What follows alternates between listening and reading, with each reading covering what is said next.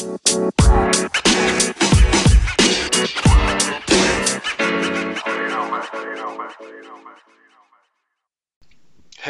Det här är eh, Känn som välkomnar er till vårt fjärde avsnitt av podcasten från cannabis.se. Det här är ett program där vi pratar om viktiga händelser från cannabisvärlden och eh, relaterade nyheter. Vi släpper eh, nya avsnitt på söndagar, inte tisdagar som den här gången. Saken är den att vi har eh, haft fullt upp med en ny hemsida som kommer inom kort och några andra busiga projekt. Prenumerera på vår podcast så får ni veta först av alla. Det här avsnittet presenteras i samarbete med vår sponsor modernatur.se. Vi eh, inleder med en tråkig nyhet. Den eh, legendariska odlaren och grundaren av eh, The Seed Bank i Nederländerna, Neville Schoenmakers, har nämligen lämnat jordelivet den sista mars. Han har försett cannabisvärlden med sorter som Northern Lights, Skunk Number One och Haze för att bara nämna några. Rest in peace, Neville.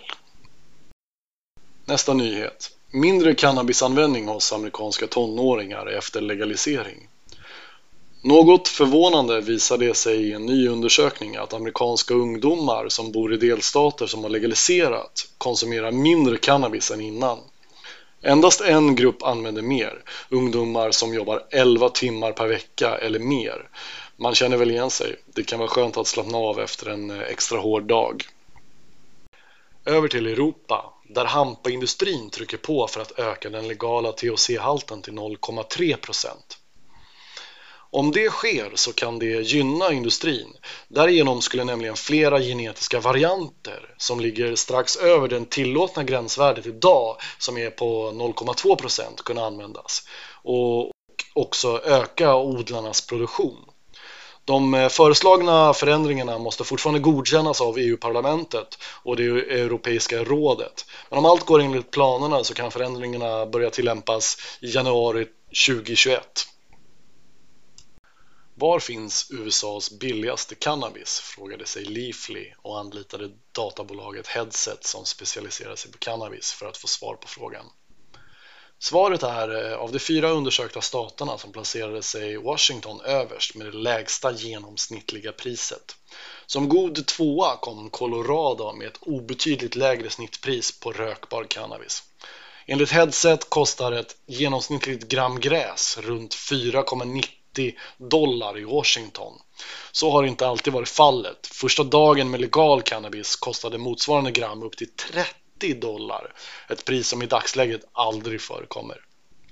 Om nu eh, Washington är den billigaste staten, vilken är då eh, den dyraste? Ja, där toppar Nevada stort. Delstaten har eh, högsta genomsnittliga priset på såväl buds som koncentrat, färdigrullade jointar och vapepennor. En förklaring till de höga priserna kan vara turismen i staten. Reklam från vår sponsor är du nyfiken på att prova CBD eller cannabidiol som det egentligen heter? Modernatur.se är en webbshop som säljer CBD-olja i flera olika styrkor för människor och husdjur. Deras sortiment är labbtestat och av eh, god kvalitet. De utlovar snabb leverans och bra priser. I Sverige har den statliga sjunde allmänna pensionsfonden köpt aktier i ett par kanadensiska cannabisbolag. Så drygt 4 miljoner svenskar är nu aktieägare i dessa bolag. Svenska knarkkrigare och nykterister har såklart arbetat hårt med att göra skandal av detta senaste tiden. Trots att värdet stigit från 63 miljoner kronor vid årsskiftet till över 100 miljoner under våren enligt SVT. Johan Florén heter chefen för kommunikation och marknadsstyrning på AP7. Han förklarar att anledningen till att innehaven kommit in i deras aktieindex trots att Etikrådet avråder från köp av cannabisaktier handlar om marknadsvärde och att det är automatiskt. AP7-fonden granskar sin aktieportfölj två gånger om året. Nästa revision sker i maj och Florén uppmanar aktieägarna att avvakta tills dess. Han säger, jag vill inte gå händelserna i förväg, men det är inte omöjligt att revisionen följer Etikrådets rekommendation om att inte investera i cannabis. Och han säger också, om man tycker att det känns fel att äga cannabisaktier så finns det flera valmöjligheter i premiepensionssystemet. Då kan man ju alltid byta till andra alternativ. Över till veckans utnämning som nu gäller ris till Per Johansson, den ständige generalsekreteraren i Riksförbundet Narkotikafritt Samhälle.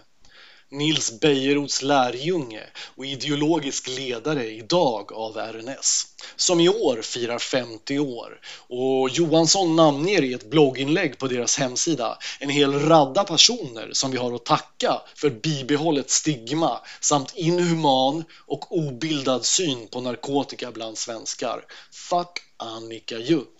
Det här kommer vi skriva mer om eftersom det är något vi inte får glömma. Dessa människor har bedrivit lobbying och sysslat med vetenskapsfientlig påverkan under många år.